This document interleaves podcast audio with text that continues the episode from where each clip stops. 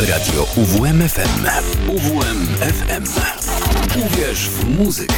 95 i 9. UWMFM.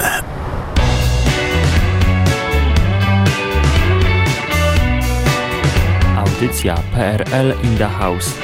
Zapraszam, Wiktor Jurkiewicz.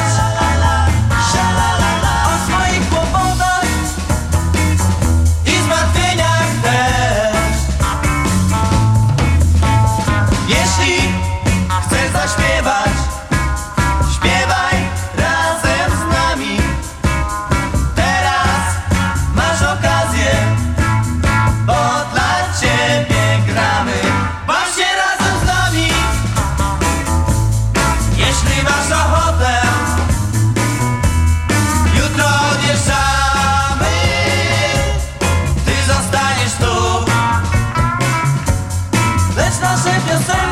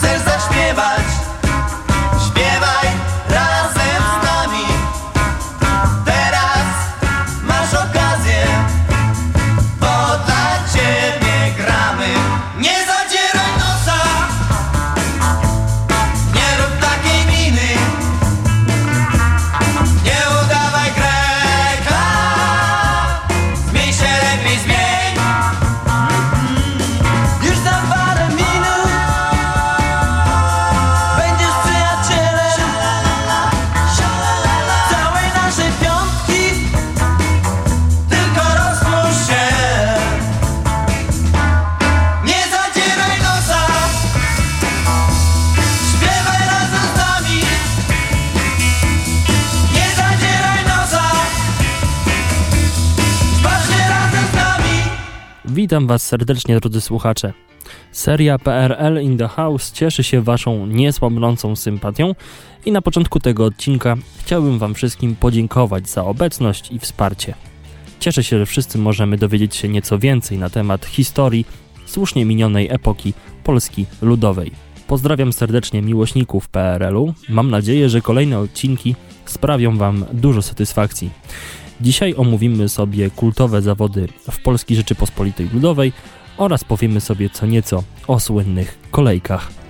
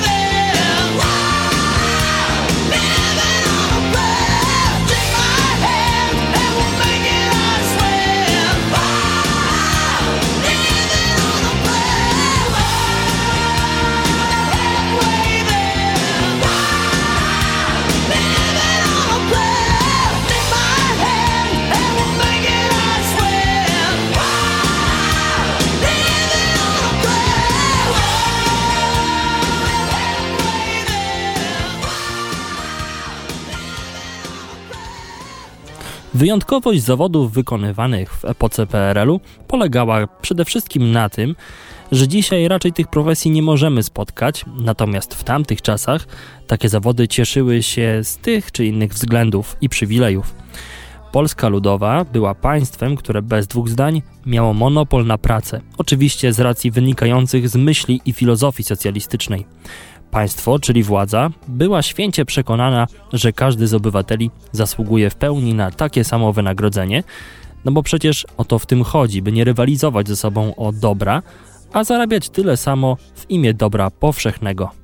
Tymi względami się kierując, rozpiętość zarobków była praktycznie znikoma i naprawdę średnia płaca pod koniec czasów gwiazdorskiego, można by rzec gierka, wynosiła jakieś 5000 zł i nieważne było, jakim wykształceniem się było obdarzonym. Ono nie miało żadnego znaczenia, bo w imię jedności klas tylko jedno było ważne żeby elity zarabiały więcej i żeby jedne zawody uznać za bardziej uprzywilejowane od innych. To rzecz jasna nie sprowadzało się jedynie do czczenia jednych zawodów, ponieważ inne profesje w charakterze przeciwwagi wyszydzano w naszej socjalistycznej ojczyźnie. Władza poprzez konstytucję z dnia 22 lipca 1952 roku wzięła na siebie obowiązek dostarczenia potrzebnych miejsc pracy i zapewnienia ludziom godziwego wynagrodzenia. Władza ludowa postanowiła na pierwszym miejscu zadbać o klasę robotniczą.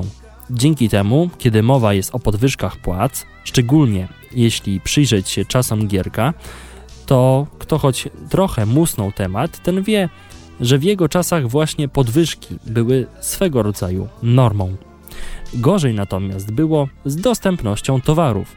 No bo co z tego, że pieniądze ciężko zarobione trafiały do milionów portfeli, jeżeli nie miano specjalnie sposobności do otwierania tychże portfeli. Tylko, że jeśli chodzi o przedstawicieli co po niektórych profesji, to widać wyraźnie było, że nie stanowiło to jakiegoś dużego problemu, ponieważ z racji wykonywanej pracy mieli oni zdecydowanie większy dostęp do pewnych towarów. Inne z kolei zawody możemy powiedzieć, że są interesujące z racji chociażby tego, że mają dość specyficzny charakter, taki abstrakcyjny, może nieco irracjonalny, szczególnie biorąc pod uwagę czasy, w jakich nam przyszło żyć dzisiaj. Część zawodów zwyczajnie w dzisiejszych czasach nie miałaby racji bytu. I chyba dlatego możemy w końcu powymieniać sobie te wszystkie zawody, które dziś uważamy za dosyć kultowe.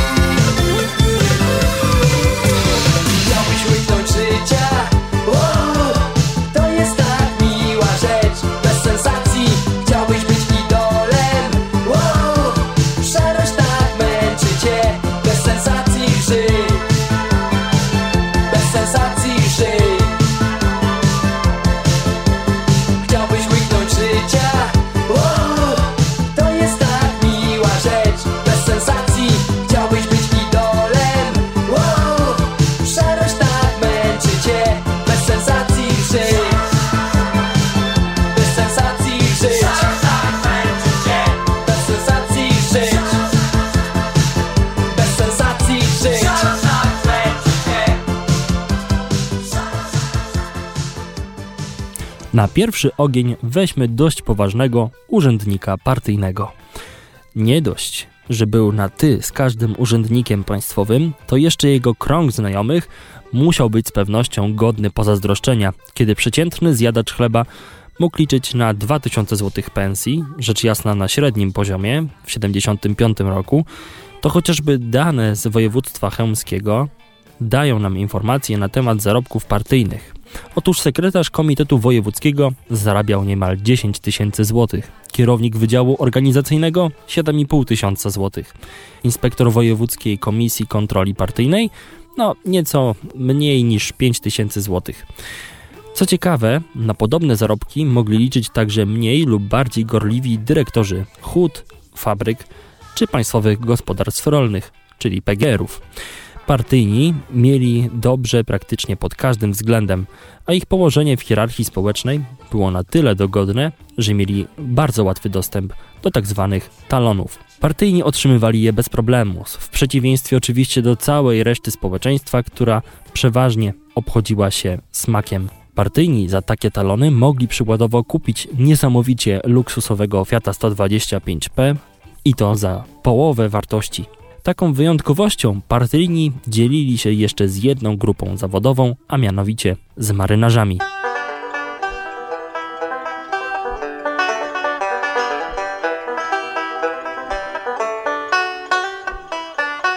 Przepuściłem znów całą forsę swą na hiszpańską dziewkę skalę Ją wyciągnęła ze mnie cały szmal I spłukałem na nią się do cna. Już znikają główki portu, w którym stary został dom Znów za rufą niknie w dali ukochany stały ląd. Dalej chłopcy rwijmy chwały, niech uderzy żagle wiatr Może znowu wypływamy, ile tam spędzimy lat. Już nie jeden pokład mym domem był i nie jeden kot me plecy bił Choć robota ciężka i żarcie psie w kale o się znajdziesz mnie. Znów znikają główki portu, w którym stary został dom Znów za rufą niknie w dali ukochany stały ląd. Dalej chłopcy rwijmy chwały, niech uderzy żagle wiatr Może znowu wypływamy, ile tam spędzimy lat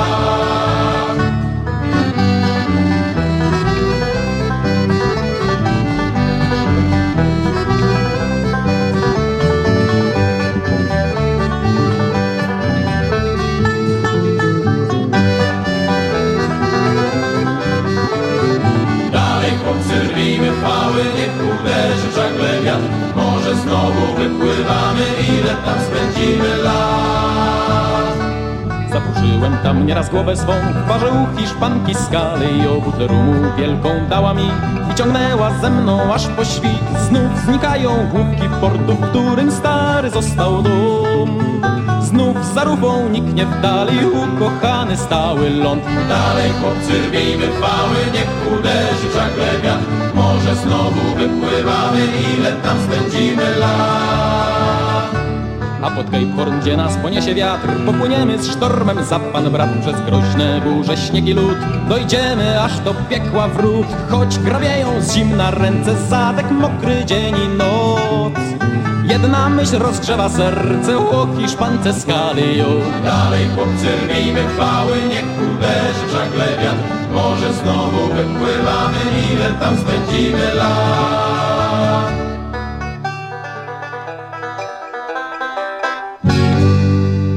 Marynarze w czasach PRL-u byli postrzegani nie tylko przez panie jako ciekawa partia, ale społecznie byli uważani za niesamowitych farciarzy, ponieważ jak na to, że obce waluty były w naszym kraju dosyć nielegalne, to właśnie marynarze z racji częstych podróży mieli najlepszy dostęp do waluty zachodniej. Wolno im było posiadać obcą walutę, bo ich wynagrodzenie bardzo często było wypłacane w markach czy w dolarach. Ale tu ich niesamowitość się nie kończy. Spotykał ich niesamowity zaszczyt, albowiem mieli prawo zaopatrywać się w kultowych sklepach Baltona a te posiadały gigantyczny, godny pozazdroszczenia dla przeciętnego obywatela asortyment. W Baltonie królowały przeróżne kosmetyki, różnego rodzaju papierosy, dziesiątki alkoholi, czy mniej lub bardziej modne ubrania, no a wszystko rzecz jasna niedostępne dla szarych, przeciętnych mieszkańców tej krainy, skąd inąd mlekiem i miodem podobno płynącej. W niepamięć odeszli także kaowcy, czyli pracownicy kulturalno-oświatowi. Osoby, bez których nie wyobrażano sobie na poważnie zorganizowanej okolicznościowej imprezy. Dedykowany bal, na prędce zwołany wieczorek zapoznawczy, na wszelkiej maści wycieczkach. Na takich wydarzeniach królowali właśnie kaowcy. W tamtych czasach to byli nie lada specjaliści, fachowcy dbający o jedyny właściwy poziom imprezy pod kątem rozrywkowym. Własnych kaowców miały największe zakłady pracy i ośrodki wypoczynkowe. Osobom, które pamiętają tamte czasy, kaowiec kojarzy się głównie z rubasznym mężczyzną, który zachęca do tańca, trzymając w ręku kieliszek wódki. Zawód może nie był ciężki, ale w swojej dziedzinie był niezastąpiony. Tak samo niezastąpieni, ale oczywiście z innych względów, byli funkcjonariusze milicji obywatelskiej. Dopiero w roku 90 w ich miejsce zjawiła się policja. Natomiast milicja obywatelska w latach świetności liczyła jakieś 80 tysięcy funkcjonariuszy. Poza swoją oczywistą funkcją związaną z bezpieczeństwem i zwalczaniem przestępczości, czy też opozycji, bo milicjanci byli przecież narzędziem w rękach władz. Zajmowali się także tłumieniem licznych manifestacji, a że na takie działania panował niekończący się popyt, negatywnie postrzegana milicja musiała kiedyś ustąpić. Z kolei przez długi czas niezastąpieni byli cinkciarze, znani z tego, że opanowywali języki obce w błyskotliwym tempie, by móc przynajmniej powiedzieć change money. Taki cinkciarz w głównej mierze nielegalnie handlował przeważnie dolarami czy chociażby bonami PKO. Można go było spotkać pod przystankiem PKS-u, pod hotelem, przy banku albo na lotniskach, czy też giełdach samochodowych. Cinkciarz miał życie jak w Madrycie. Oczywiście to życie nie mogło trwać wiecznie. W naszym przypadku trwało do roku 89, kiedy wprowadzono prawo dewizowe, czyli w momencie, gdy zalegalizowano obrót obcymi walutami w kantorach. Oczywiście nie mogę także nie wspomnieć o pracy w Peweksie. W sieci sklepów Pewex można było kupić towary za zachodniej granicy. Luksusowe perfumy, alkohol, dżinsy, zabawki, papierosy. Ekspedientka w Peweksie to była najlepsza znajoma, najlepsza sąsiadka, jaką można było sobie wymarzyć. Peweksy powstały na początku lat 70., no i oczywiście szybko stały się synonimem luksusu. Mimo, że praca ekspedientki nie zapewniała zbyt wygórowanych wynagrodzeń, to jednak posada była marzeniem wielu osób. I tak naprawdę nie powinno tutaj się ograniczać do Peweksu, bo równie luksusową znajomą mogła być przecież koleżanka pracująca jako ekspedientka w sklepie mięsnym. Przyjaźń z mięsem i wędlinami była w czasach PRL-u przyjaźnią bezcenną.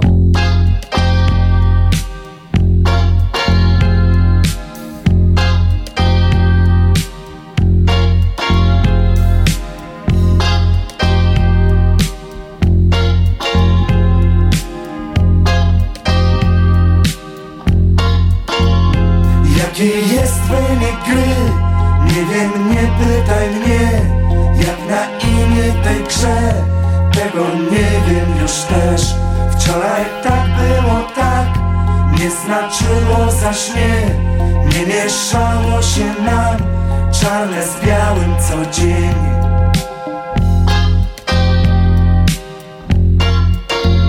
Wczoraj nie mi tak Dzisiaj pionki w grze. Wczoraj błękitny wiatr Dzisiaj duszny zły sen. Z drugiej strony mych snów Wszystko lepszy ma smak Bo w powietrzu jest luz I muzyka wciąż gra. Za ostatni grosz Kupię dziś chociaż cień Tamtych dni. Za ostatni grosz Wino z zielonych lat znów pić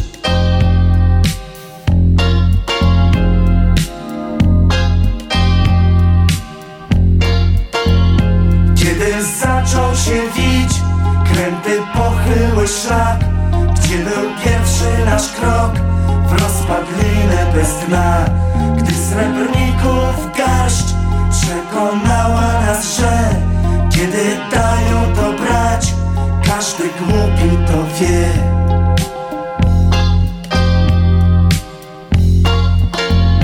Bieraz zysków i strat prowadzimy od lat.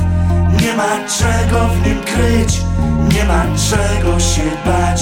Skąd więc na lustra dnie, z progu każdego dnia Wita cię najpierw wstręt, potem brat jego strach. Za ostatni grosz kupię dziś chociaż cień dawnych dni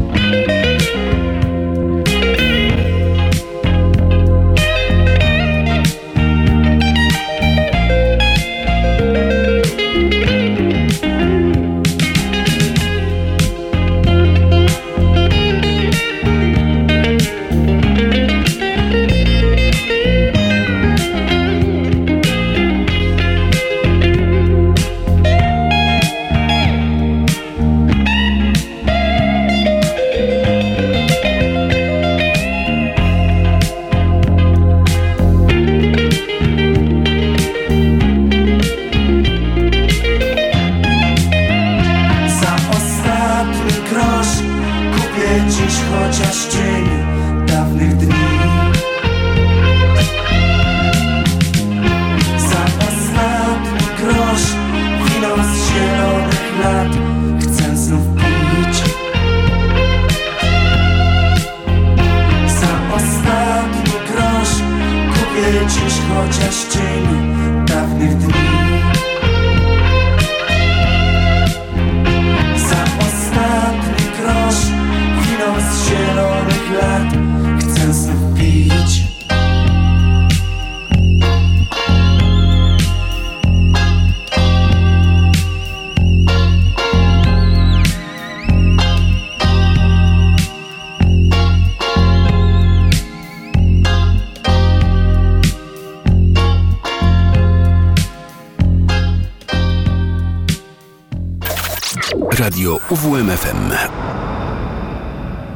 Dzisiaj, żeby pracować, przecież nie trzeba mieć skończonych studiów, co zresztą powie każdy maturzysta.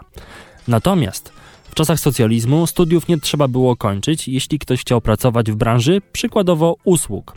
Ścieżka kariery do stanowiska zawodowego operatora saturatora była otwarta. Wystarczył pojemnik na syrop owocowy, butla ze sprężonym gazem, dwukołowy wózek, szafka, niezbędna aparatura i sporo wiary.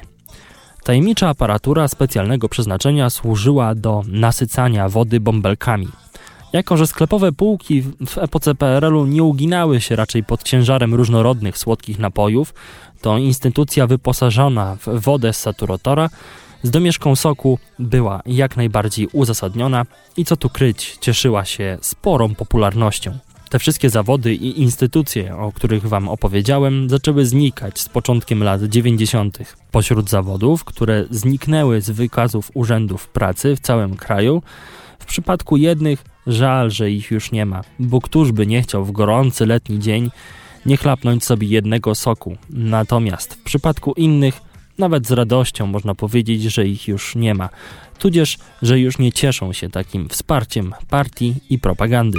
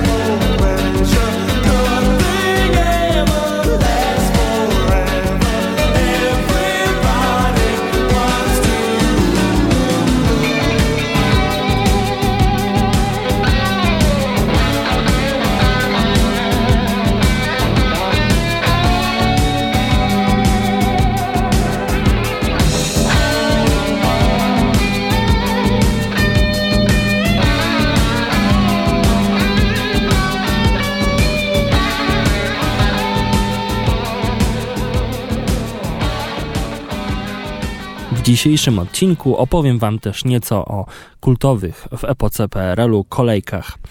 Kolejki ciągnące się przed sklepami to był przecież jeden z najbardziej charakterystycznych obrazów tej epoki. Mówi się, że w czasach PRL-u się nie kupowało, tylko zdobywało, a na tej liście zdobyczy było wiele różnych deficytowych towarów. Za papierem można było stać nawet kilka dni. W kolejce zawiązywały się długoletnie przyjaźnie. To właśnie w kolejkach rozwijał się poniekąd społeczny ferment, a co bardziej obrotni, mający na uwadze zarobienie jakiegoś grosza, proponowali swoje usługi jako zawodowi stacze kolejkowi. To właśnie w kolejkach stawali pracownicy Urzędu Bezpieczeństwa, uważając je za nieodzowne źródło informacji o nastrojach społecznych. Kolejki stanowiły jedną z najbardziej wyróżniających się instytucji społecznych Polski Rzeczypospolitej Ludowej. Ustawiały się przed sklepami od początku istnienia PRL-u, a na palcach jednej ręki można zliczyć przypadki, gdy władza potrafiła w pełni zaspokajać oczekiwania i potrzeby konsumpcyjne społeczeństwa. Powszechnie kolejki występowały w drugiej połowie lat 70. i na początku 80. i na tym okresie dzisiaj się skupimy. Z racji tego, że często w kolejkach trzeba było stać nawet po kilka dni, to kolejkowicze wypracowali sobie własne formy organizacyjne. Dzięki nim panował w kolejce porządek. I tu koniecznością staje się to, abym powiedział Wam o szczególnej instytucji w takiej kolejce, a mianowicie o liście kolejkowej, skądinąd znanej także pod nazwą listy społecznej. A czym taka lista się charakteryzowała? Była to najzwyklejsza w świecie lista obecności, która była odczytywana rytualnie co jakiś czas przez członków specjalnie w tym celu utworzonego komitetu kolejkowego. Dzisiaj sobie nawet czegoś takiego nie wyobrażamy. Wracając, nieobecność kolejkowicza podczas odczytu takiej listy groziła eliminacją go ze społeczności kolejkowej. Życie kolejkowe z czasem ewoluowało, żeby nie powiedzieć, że przepoczwarzyło się czy zmutowało. Pojawili się mianowicie zawodowi stacze kolejkowi. Kim oni byli? Bardzo często byli to oczywiście dysponujący wolnym czasem emeryci, za odpowiednie wynagrodzenie zajmowali dla swoich zleceniodawców miejsce w kolejkach, choć często zdarzali się również wolni strzelcy, czyli tacy, którzy z własnej inicjatywy ustawiali się w kolejkach po atrakcyjne towary i potem odsprzedawali swoje miejsca na wolnym rynku. Sytuacja była bardzo często na tyle, powiedzmy sobie, dramatyczna, że nieustanne braki w sprzedaży powodowały, że ludzie najpierw stawali w kolejkach, jak coś było, a dopiero później usiłowali się dowiadywać, jaki towar rzucono na sklep. Rzecz jasna, w takiej rzeczywistości nie znajdowali się wszyscy. Było się bowiem królem osiedla, gdy się miało w rodzinie albo znajomego, co był choćby kierownikiem sklepu mięsnego. Oczywiście nie wszyscy obywatele musieli się fatygować staniem w kolejkach. Szczęście mieli ci, którzy wśród krewnych albo znajomych mieli handlowca. Zawsze mogli liczyć na zdobycie deficytowego towaru z podlady po znajomości. Kolejka była swego rodzaju mekką wszelkich wieści i informacji. Było to jak forum internetowe, tylko bez moderatora, gdzie wszyscy mogli narzekać do woli i przeklinać zaistniałą rzeczywistość można przeczytać w piśmie ministra bezpieczeństwa publicznego z 1951 roku, że kolejki to idealne miejsce do śledzenia nastrojów społecznych.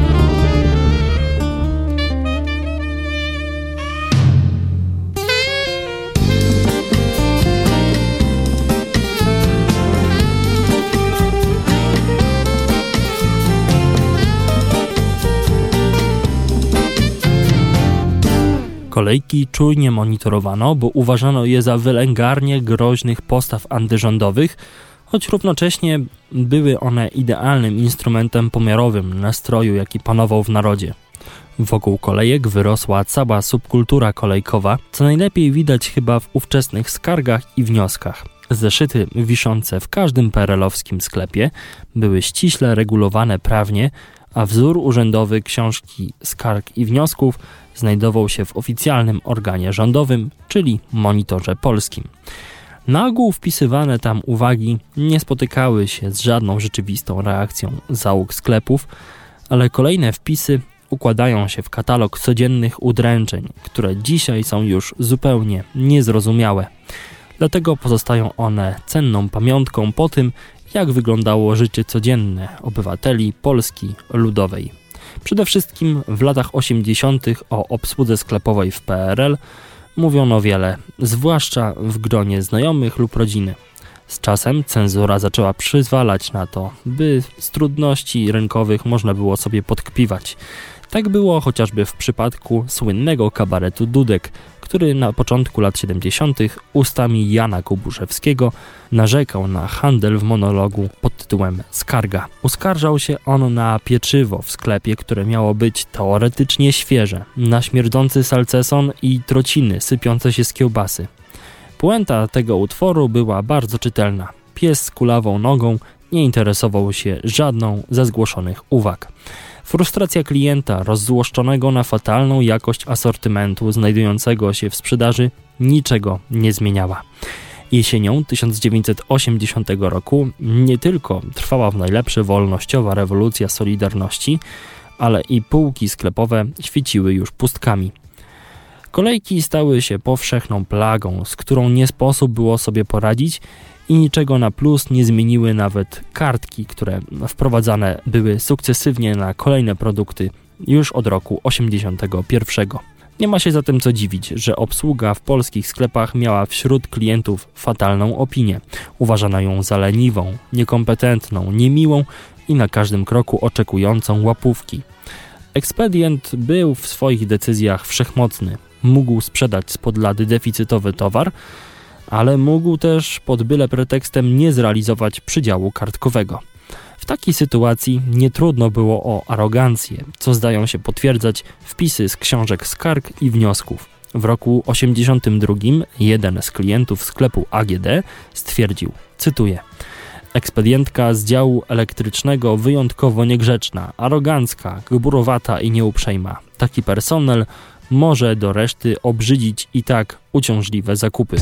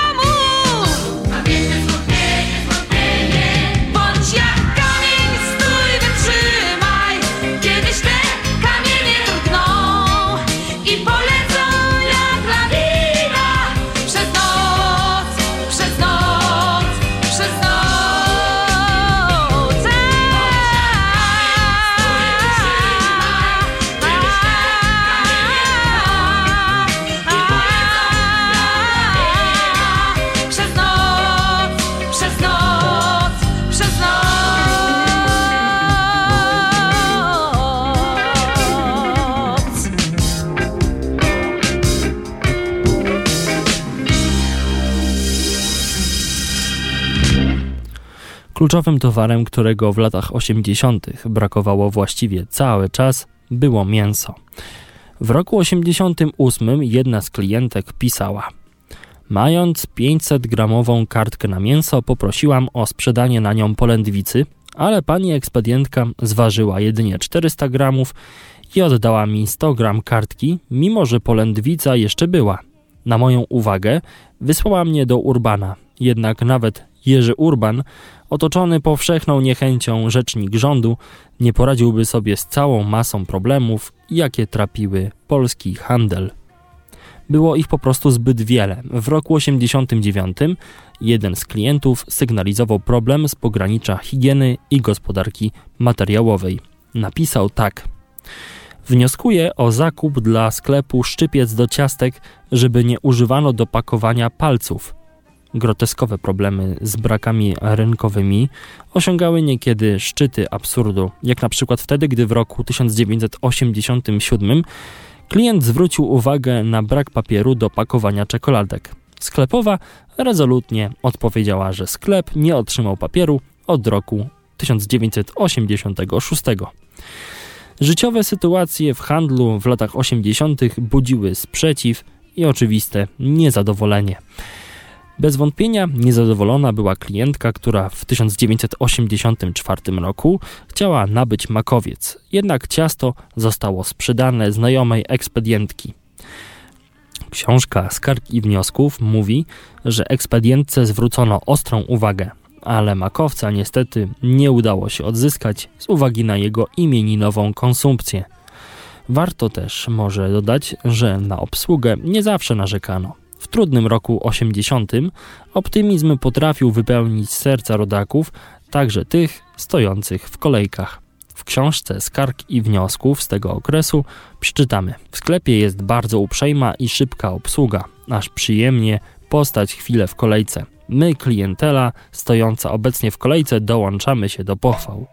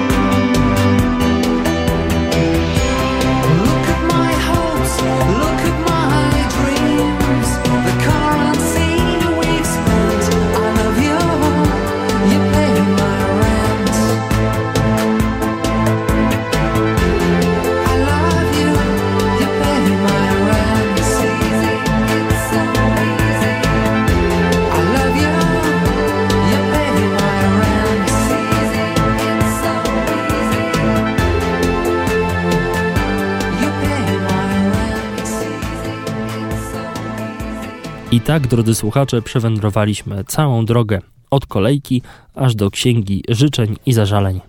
Na koniec podam Wam kilka ciekawostek i przykładów towarów, które były w czasach PRL-u deficytowe i bardzo poszukiwane. Zacznijmy od elektroniki. Marzeniem wielu był na przykład magnetofon szpulowy lub kasetowy marki Unitra. Inni marzyli o telewizorze Elektron i adapterach Fonika. Pożądanym towarem były także projektory produkcji polskiej, które nosiły nazwę Ania. Równie ciężko było ze zdobyciem sprzętu AGD. Poszukiwano popularnej pralki wirnikowej marki Frania, a w latach 70. królem był ten, któremu udało się kupić automatyczną pralkę Polar lub odkurzacz Omega. Hitem w przypadku sprzętu fotograficznego była radziecka Smiela. Młodzi mężczyźni marzyli natomiast o zdobyciu motoroweru Komar, natomiast starsi dysponujący większą gotówką o skuterach OSA lub motocyklach WSK czy Junak. Dziękuję Wam, drodzy słuchacze, za wysłuchanie dzisiejszego odcinka. Pozdrawiam Was serdecznie. Czekam oczywiście na Wasze opinie i recenzje dotyczące dzisiejszego materiału. Do usłyszenia w kolejnym odcinku już za dwa tygodnie. Pozdrawiam, Wiktor Jurkiewicz.